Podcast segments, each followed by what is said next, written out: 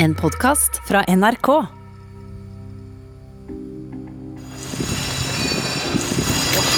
Ja, det her er bombe, ass. Det kan ikke være noe annet enn en bombe. Rett før klokka halv fire en søvnig julifredag skjer det noe uvirkelig i Oslo sentrum. Men alle rutene knuste! Se på dette der! Hva som skjedde egentlig? Ei bombe på nesten ett tonn går av i regjeringskvartalet. Fasaden er helt sprengt ut. Fy fasiken. Dette er helt vanvittig. Ja, det er helt vanvittig. Terrordagen 22.07.2011 koster 77 liv og berører en hel verden. Jeg ser på min egen kropp, og jeg ser ut av venstre overarm, så står det en stråle med blod. Du hører på hele historien om 22. juli. En serie av Line Alsaker og meg, Kjetil Saugestad. Del én av åtte Bomba i regjeringskvartalet.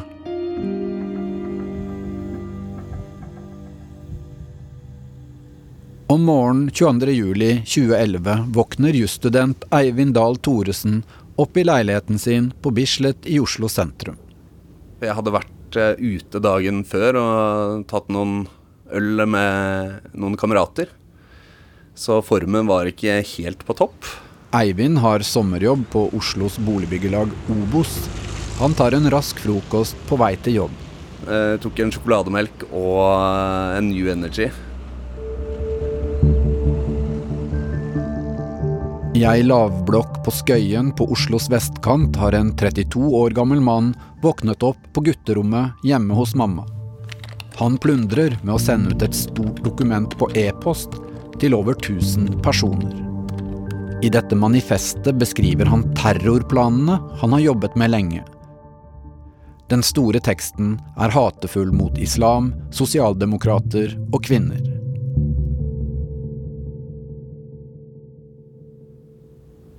For Eivind Dahl Thoresen er det så rolig på jobben på Obos at han lurer på om han skal dra tidlig. For å bare sette meg ned på en kafé og ta en cola, eh, slappe av eh, og vente til avreise til Stavanger, da, som vi skulle til den dagen. Denne helga har han og samboeren tenkt seg på matfestival.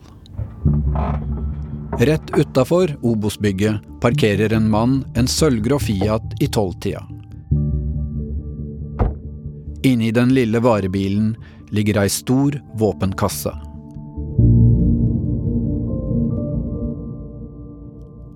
Eivind er opptatt med sitt.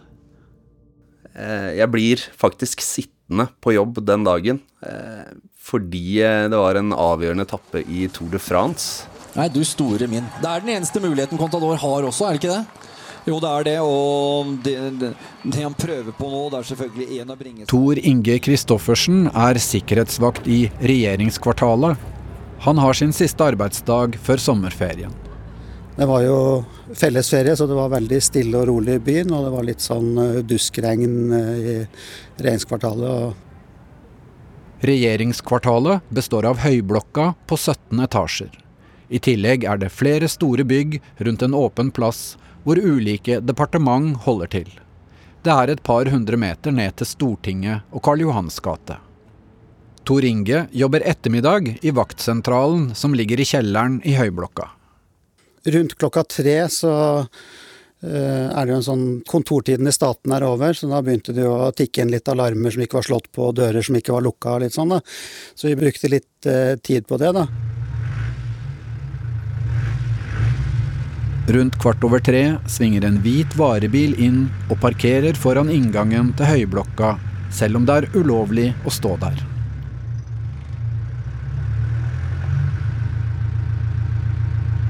Men vi var jo vant til at budbiler, eh, taxier og folk som bare skulle hente noe på kontoret, sånn typisk skal bare. At, eh, så vi jagde jo biler fra der hver, hver eneste dag, flere ganger om dagen. Varebilen er lasta med ei hjemmelaga gjødselbombe på 950 kilo. Sjåføren tenner på ei lang lunte med brennetid på sju minutter. Han låser døra og går fra stedet uten at noen legger særlig merke til ham. Fra resepsjonen i høyblokka er bilen delvis i skjul bak noen søyler. De kontakter vaktsentralen. De spurte om vi hadde sett hvor det ble av sjåføren, for han hadde ikke kommet inn i høyblokka. sånn de, når de så bilen, så hadde de forventa at det skulle komme en, en, bud eller en eller annen som kom inn og spørre om et eller annet, men han dukka ikke opp inne i resepsjonen, så da ringte de også og spurte om vi hadde sett noe på kamera. Tor Inge og kollegaen har tilgang til rundt 150 ulike kameraer i området, men ser ingen sjåfør. Så da ringer de opp de andre resepsjonene for å sjekke om de vet noe. Siden ingen har noen informasjon, sjekker Tor Inge videoopptakene. Når jeg spolte de tilbake, så så jeg at han kom kjørende opp Grubbegata, svingte inn på plassen, rygga litt tilbake, og så eh, parkerte han rett foran eh, hovedinngangen. Så gikk det ca. ett minutt før, fra bilen parkerte til det gikk en person ut av bilen. Da. På veggen av TV-monitorer har ikke Tor Inge oppe nærbilder fra området rundt bilen. Han ser ikke at sjåføren har pistol, hjelm med visir og en hjemmelaget politiuniform på seg. Jeg brukte et kamera som var et lite stykke unna, så du så ut for meg som en vekter som kom ut. For jeg så at han hadde noe refleks på buksa, men til nå er dette en dagligdags situasjon for Tor Inge. Og da trodde jeg at det var en vekter som hadde parkert en type vekterbil som skulle hente noe makuleringspapir eller noen datakopier fra et av byggene våre. da.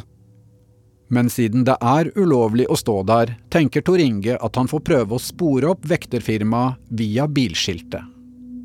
Ja, jeg noterte reg-nummeret på blokka mi, og så tok jeg opp mobiltelefonen min og skulle skrive inn og sende til eh, bilregisteret for å se om jeg skulle få ut eh, hvem som eide bilen.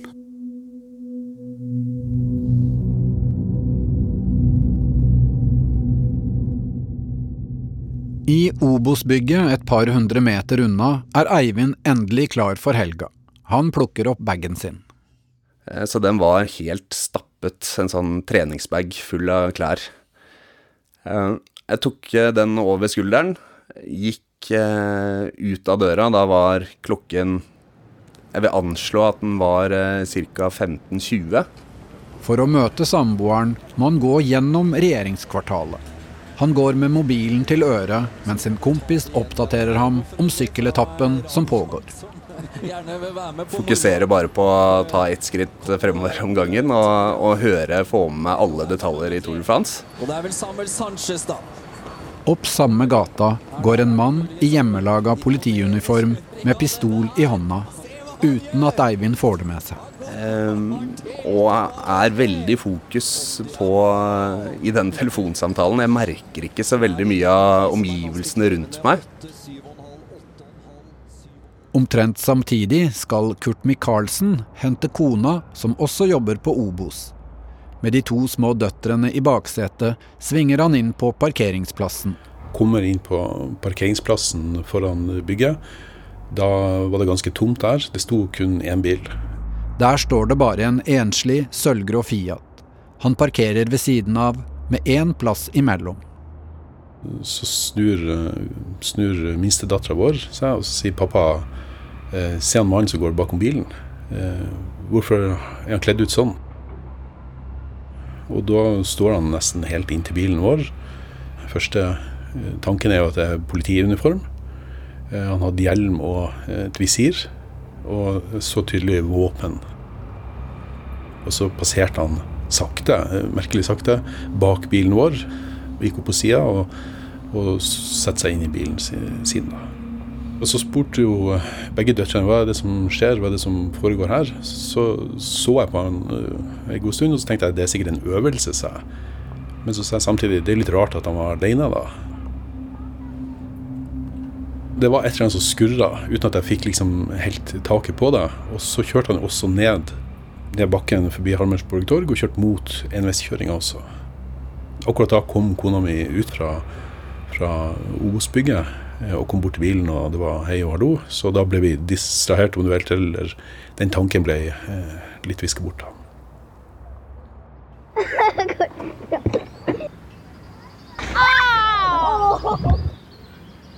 Samtidig filmer Wenche Smeland døtrene sine i Slottsparken med mobilen en snau kilometer unna.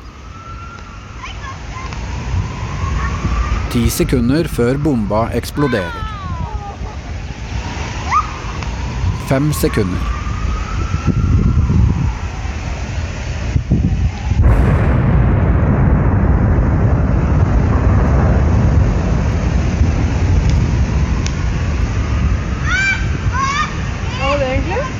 Noe sprengte en seif, tror jeg. Nei ja. Sprengte veggen. Er. Datteren tror det er torden. Flott. Nei, Så sprenger hun til meg, sprenge den. Kom her, kom her, fort Ja. Og plutselig så smeller det. Et kjempesmell. Klokka er 15.26, og Eivind er kommet ned på plassen i midten av regjeringskvartalet. Eh, jeg får tatt opp venstre hånd eh, som en eh, reaksjon på at jeg ser det komme flamme mot meg, og beskytter ansiktet mitt. Eh, og da blir jeg kastet to til tre meter bakover eh, av trykkbølgen fra bomben. I smellet forsvinner mobilen ut av hendene hans med kameraten i andre enden av samtalen. Han trodde først at jeg hadde falt ned en trapp på jobben. For han hørte meg fremdeles. Før telefonen tok kvelden sånn fem minutter etter eller noe sånt. Han hørte meg og prøvde å skrike i telefonen, og så koblet han eh, For det kom inn en nyhetssending på Tour de France, visstnok. Så har vi fått beskjed om at det har vært en eksplosjon i Oslo sentrum. Øh, I nærheten av regjeringskvartalet, eller muligens i regjeringskvartalet. Det vet vi ikke. Dere kan gå inn på tv2.no og lese mer om det. Og så ringte han moren min, eh, og fikk det eneste han klarte å si da, var eh, Tour de France. Han klarte ikke, han var helt sånn i sjokk, han også. Så fikk han etter hvert bare sagt jeg tror Jeg tror Eivind er skadet. Jeg tror han ligger der. Det vi ser på skjermen nå, er jo at Tom Avekler har kjørt seg inn noen syv-åtte sekunder på På parkeringsplassen foran Obos-bygget har kona til Kurt Micaelsen satt seg inn i bilen og skal akkurat til å lukke døra da en enorm trykkbølge treffer dem. Bilen hoppa, og du kjente kraftig, kraftig i brystkassen. Jeg husker sjøl at jeg ropa et sånt primalrop, for det var så kraftig. Eh, Barna begynte å skrike. Det gikk noen sekunder før vi helt fikk eh, summa oss. Og så sier jeg høyt til, til familien at uh, det her er terror. Det er helt sikkert det er terror. Vi må komme oss ut av byen, ut av sentrum. Og da kjørte vi opp, så du ser ned mot regjeringskvartalet. Og da sto jo enorm sky av papir i luften. Hele, hele kvartalet rundt der var fylt og dekka av eh, papir som flagra i lufta.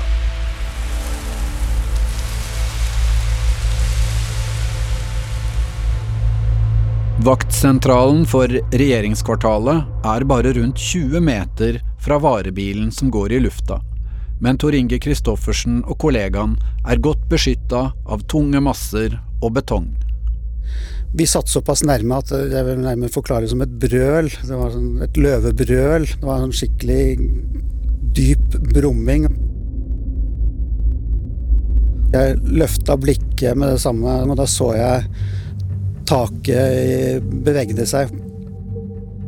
Det så ut som en bølge av vann som gikk gjennom taket.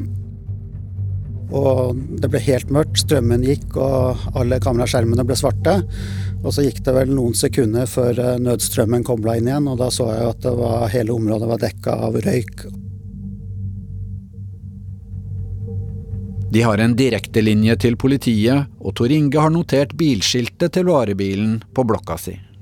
Og så sa jeg at det var fra vaktsentralen i regjeringskvartalet, og vi har hatt en stor eksplosjon her, og det er en hvit varebil som har gått i lufta. Og mens jeg sto og prata med politiet, så letta jo røyken, og da så jeg alle ødeleggelsene og så døde folk som lå på bakken. og Det var som, ja, som en krigssone på utsida. Jeg tror alle på den tida tenkte Al Qaida. Sa vel til kollegaene mine at der lurte de oss. Oppe i 11. etasje i Høyblokka jobber Line Nærsnes i politiavdelingen i Justisdepartementet. Eh, det som var litt spesielt med den dagen, da, det var at jeg hadde da fredagskaffeansvar. Og det er jo ikke et ansvar man kan komme unna når man jobber i, i Justisdepartementet.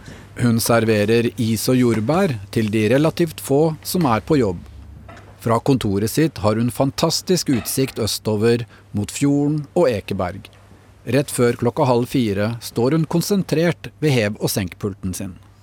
Da holder jeg på å jobbe med en stortingsmelding om vold i nær relasjon. I eksplosjonen blir Line kastet inn i hjørnet på kontoret, der hunden hennes pleier å ligge når den er med på jobb.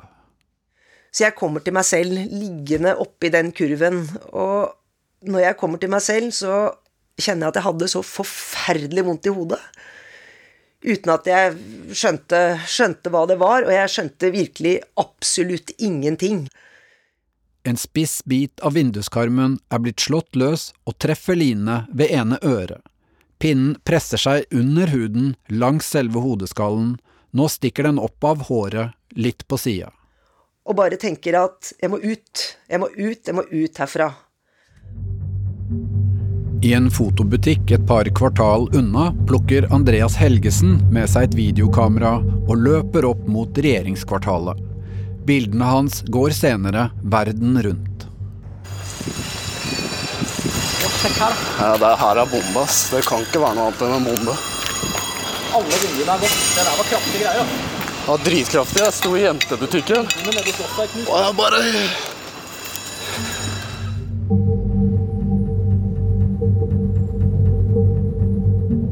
Etter eksplosjonen våkner Eivind Dahl Thoresen til liv.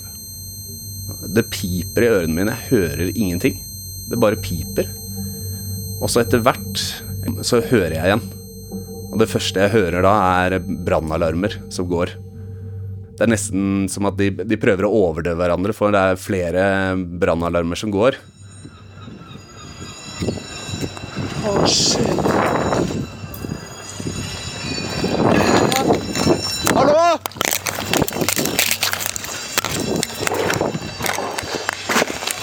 Hallo? Hallo? Er det noen som trenger hjelp?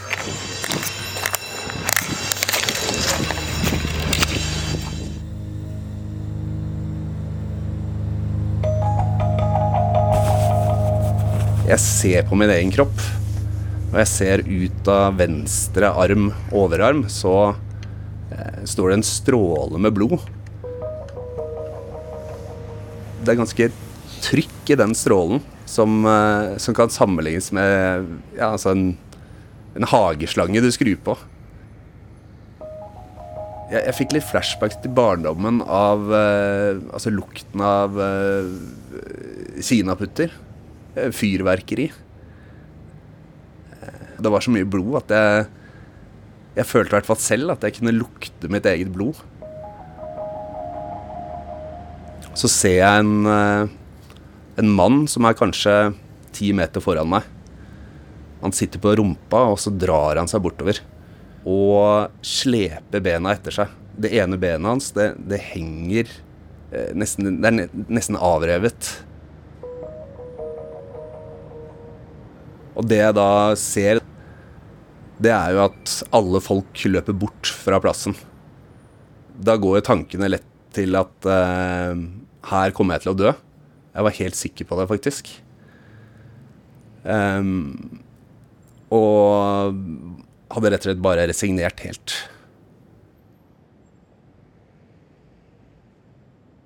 Oppe i 11. etasje i Høyblokka skjønner Line Nærsnes ikke så mye. Og så kommer jeg meg på beina og får lukket opp døren eh, på kontoret mitt. Når jeg ser ut i gangen, så ser jeg bare sikkert bare masse støv. Men for meg så var det liksom som å komme ut i en sånn svart-hvitt film. Hun finner kollegaen Knut, og sammen forsøker de å komme seg ut. Line er hovedverneombud og kjenner til rømningsveiene. Men de velger hovedtrappa nedover, selv om den delvis har rast sammen. Der var det, var det noe bygningsmateriale som hadde falt over. Så jeg tenkte at det var lurere når vi kom dit, å prøve å klatre under. Og da husker jeg Knut sa at nei, nei, nei, du må, du må, du må klatre over. Fordi du har noe i hodet. Og, og jeg skjønte ikke, skjønte ikke, hva han sa, og visste jo da, hadde jo ikke sett hvordan jeg så ut. Etter en del om og men kommer de seg ned på gateplan. Og der var det blitt et svært høl i veggen, så der kom vi oss ut da ut mot Akersgata på andre sida. Jeg, jeg tror fremdeles ikke da at jeg skjønte, skjønte hva som hadde skjedd. Line og flere kolleger setter seg ned på fortauet.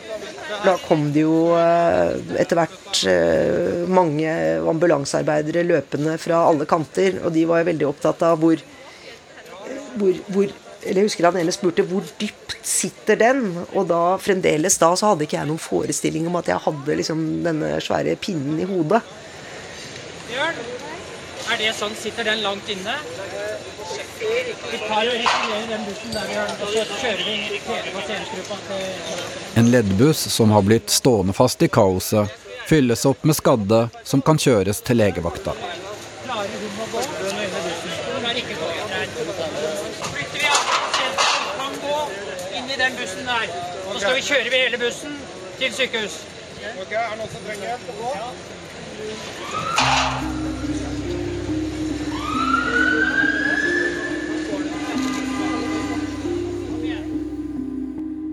Ikke lenge etter eksplosjonen ringer et vitne inn til politiet og forteller at han har sett en mann i uniform kjøre mot enveiskjøringen bort fra regjeringskvartalet. Han har notert seg registreringsnummeret på den sølvgrå Fiaten. Ikke langt unna har 16 år gamle Asbjørn Lote hatt sterke opplevelser. Det var helt sjukt. Og det smalt i ørene. Jeg filma. Det var der du var Steinar. Men alle rutene knuste. Se på dette der. Se, alle rutene knuste. Faren til Asbjørn holder på å parkere da bomben går av. Blir snart til skada? Det tror jeg ikke. Kjøre høyre framme, da. Husker den, eh, den bassen fra eksplosjonen. Det var den som var liksom Det var den som gjorde mest inntrykk. Det var en sånn der bass som bare rista i hele brystkassa. Du var ikke bortpå noe, Kristen? Du har revet opp jakka di her. Jakka di ble revet opp. Fy flate! Hva som skjedde egentlig? Men skal vi ringe til NRK? Ja, det synes jeg du skal. Ja, ring med en gang, da. Ring med en gang, du. Men det vet jeg, jeg tusen telefoner. Ikke lenge etter er Steinar Lote med på direkten. Kan du fortelle hva du har sett? Vi så med en gang hva hus det kom ifra. Det var en diger røyksky som velta opp, og vi trodde kanskje det kunne være en naturlig eksplosjon, da, men en har nå mange tanker i hodet etter hvert. Og det er jo en sånn melding som går som et lynnedslag gjennom en nyhetsredaksjon. Rett før klokka halv fire er NRKs nyhetsreporter Peter Svaar mest klar for å starte sommerferien. Så fra å være en veldig søvnig eh, dag i fellesferien, så ble det et eh, forferdelig liv i løpet av veldig få minutter. Jeg eh, fant meg eh, i firsprang på vei ned i garasjen. Peter og fotografen rykker ut og får parkert et lite stykke unna og løper mot regjeringskvartalet.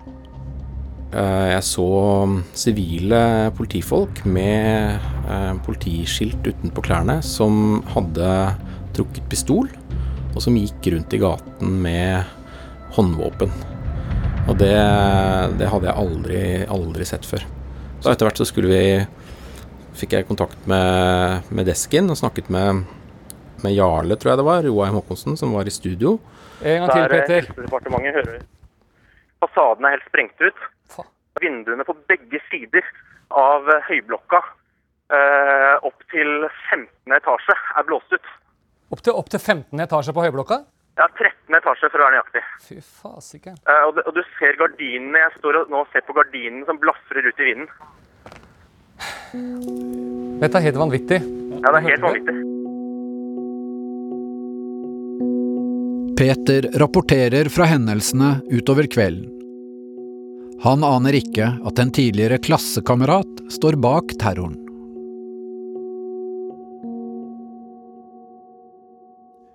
Midt i regjeringskvartalet kjemper Eivind Dahl Thoresen for livet.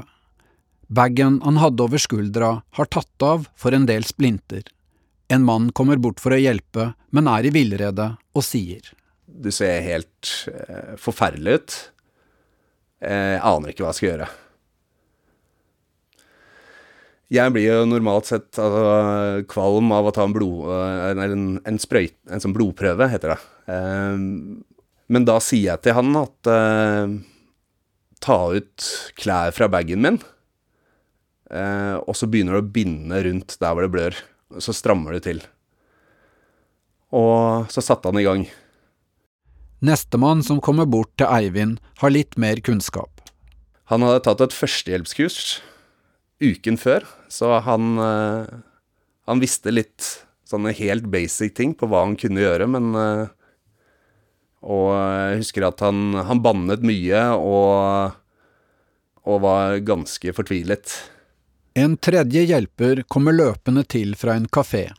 Han har opplevd bombeangrep i Kurdistan, og vet at han må få stoppet de store blødningene med en omsnøring, en turniké. Han lagde det ut av planker som var der, så at du fikk stramme til skikkelig. Det husker jeg var ekstremt vondt. Da han strammet til der, og skreik utrolig høyt. Og frem til det så hadde jeg på en måte ikke følt noe særlig smerter. Jeg var, veldig varm i kroppen. Følelse som å sitte altfor lenge i en badstue. Han ene han slo meg i ansiktet sånn for å holde meg våken, da. Og så sa han at uh, det her kommer til å gå bra, det jeg lover.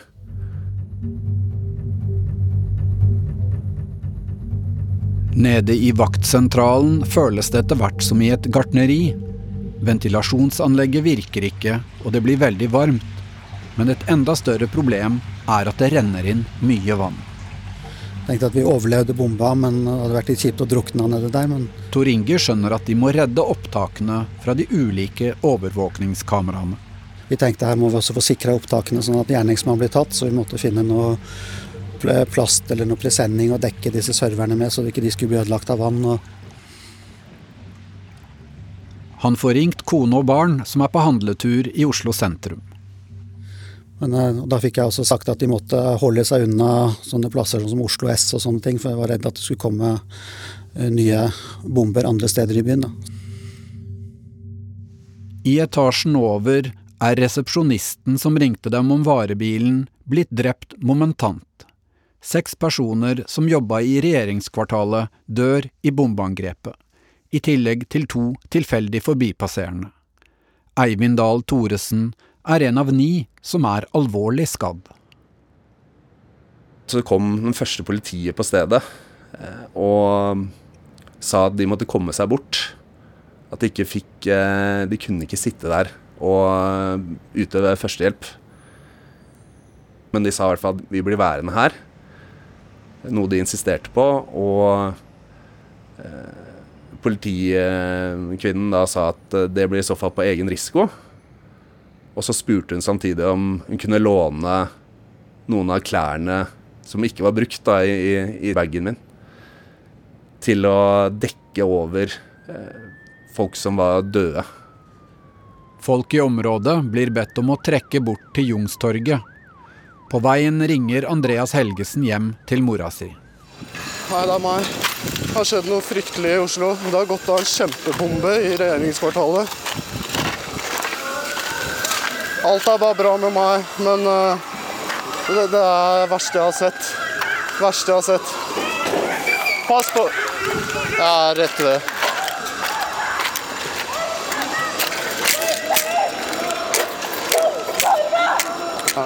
Nei, alt er bra.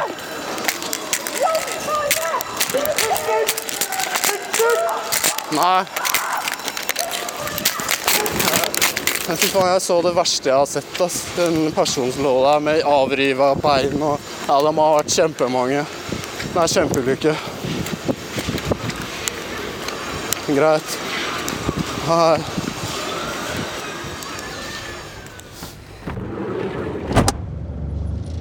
Mange ambulanser strømmer til Oslo sentrum, og Eivind blir frakta ut. Så, så kjører vi av gårde. Og um, dårlig timing, men den uh, sirenen de hadde på ambulansen, var ødelagt. Så de, de, sleit litt med å komme seg frem, rett og slett, i alt kaoset. Uh, og jeg hadde um, mistet mye, mye blod. Og så spurte jeg han uh, Han satt ved siden av meg, ambulansepersonellet, om, om jeg kom til å dø. Ambulansen tråkler seg fram til Ullevål sykehus, og Eivind Dahl Thoresen blir rushet inn for behandling. De, de tok eh, denne her bedøvelsen mens de trillet meg inn eh, på operasjonsstuen.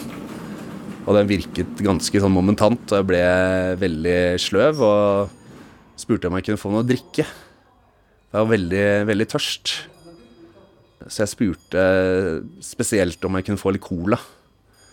Og da sa de nei. Det, det, kan du ikke få. Du kan ikke få noe som helst av drikke, for vi må operere deg nå. Eh, og så tror jeg jeg spurte noe sånt som ja, hva med, hva med Fanta, da? Og da husker jeg at han ene, han ene som trillet meg inn, begynte å le litt, da. Eivind har trolig mista rundt to liter blod. Han har alvorlige skader i beinet og armen. Jeg begynte jo å, å hallusinere.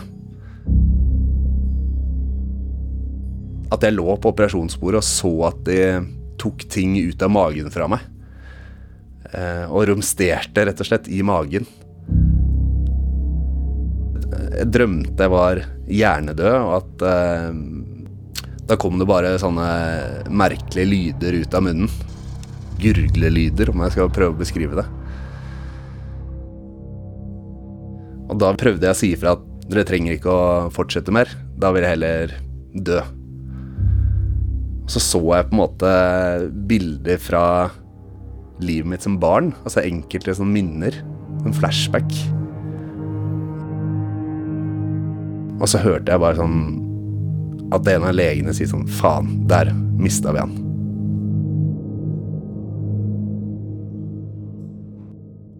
Line Nærsnes er havna på Oslo legevakt. Hun er en av rundt 200 som får behandling for ulike skader.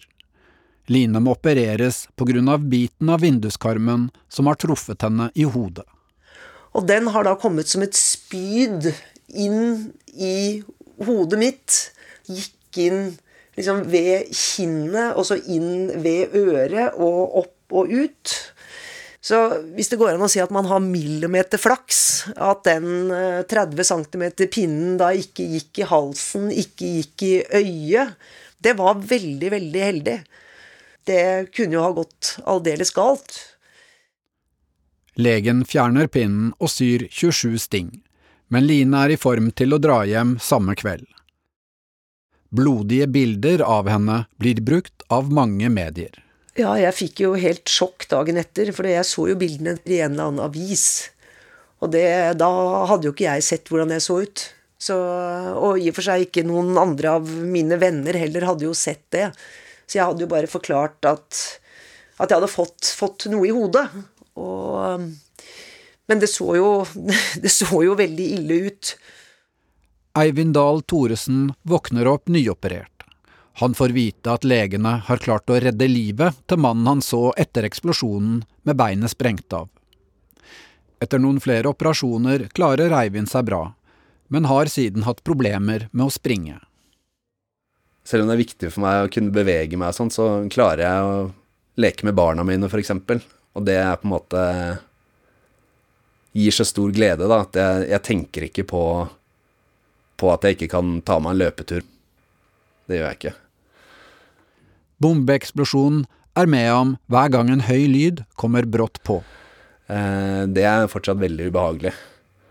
Og da kommer kroppen i en slags forsvarsmodus, virker det som. Automatisk. At uh, den sier til meg at nå må, du, nå må du komme deg bort. Hva, hva blei ditt forhold til Tour de France? Um, nei, altså, det var egentlig siste året at jeg fulgte noe særlig med på det.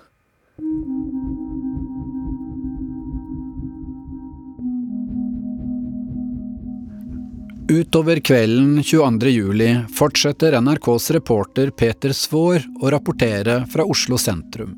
Der frykter politiet flere bomber. Det var jo en svær evakuering av TV 2, hvor det var frykt for eh, Det var en koffert, tror jeg, som sto utenfor eh, hovedinngangen til TV 2, så de ble evakuert. Så var det melding om at det hadde vært en, en ny eksplosjon i Stortingsgata. Det viste seg å være en glassfasade som ramlet ned, osv., osv. Klokka halv seks kommer meldinger om at noen skyter på Arbeiderpartiungdommens sommerleir på Utøya ved Tyrifjorden, fire mil fra Oslo. Og så kom meldingen om skyting på Utøya, så når jeg, når jeg hørte det, så trodde jeg ikke på det.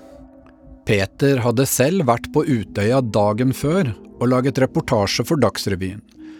Egentlig skulle han vært der også denne dagen, men hadde en legetime som kom i veien.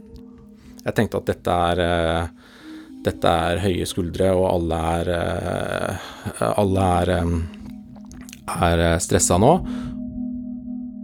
Mens det fortelles mer og mer om dramatiske og forferdelige hendelser på Utøya, roer det seg ned i Oslo sentrum. Det gikk jo fra å være et uh, litt sånn inferno, eller kaos, av liksom, mennesker som var redde og gråt og løp rundt, og bevæpnede politifolk og sperringer og sirener og sånn, til at eh, uh, gradvis litt utover kvelden ble helt, helt stille. Det var som å være midt ute i skogen. Det var helt knappenålstyst. Og det var veldig sånn um, Litt sånn spøkelsesby-stemning. Seint på kvelden blir Peter Svår avløst av en annen reporter og går hjem. Det peiper jo i Facebook hele tiden, og et stykke utover kvelden her så var det en, en venn av meg, ikke journalist eller noe sånt, som sendte meg en link til en britisk tabloidavis, jeg lurer på om det var Daily Mail, som navnga Anders Behring Breivik, da. This is the Norway Killer. Uh, og det var før jeg så noen norske medier gjøre det samme. Så tenkte jeg, men i all verden, han Nei, nei, det der er bare, skrev jeg tilbake, det der er bare tull. Jeg, han vet jeg hvem er, jeg har gått i klasse med han. Så det, det stemmer ikke, liksom. Det er bare tull. Men det dukker opp bilder av terroristen, som han har lagt klar på nettet som en slags pressepakke for mediene. Og jeg kjente han jo igjen, og det var Anders og sånn, og da skjønte jeg at oi, det er han. Så bekrefter politiet at de har arrestert den 32 år gamle Anders Behring Breivik på Utøya. Og det å på en måte koble hvordan han kunne gjøre det jeg nettopp hadde sett nå, det, det var ikke mulig å på en måte tegne streker mellom de prikkene, da. Det var ingen av hans, hva skal jeg si, personlighetstrekk den gangen som pekte mot eh, at han skulle være verken noen tempelridder eller noen terrorist eller en person som var i stand til å drepe 77 mennesker. 69 av dem på en måte på kloss hold og skyte de.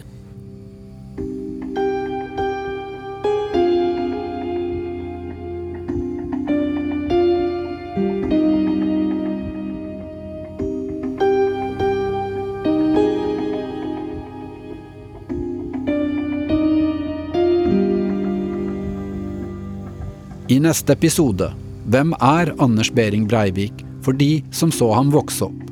Hvordan ender han opp som terrorist? Og det er jo det som er så veldig rart, at ikke vi merket noe som helst av den forandringen han tydelig gjennomgikk, og ble så hatsk.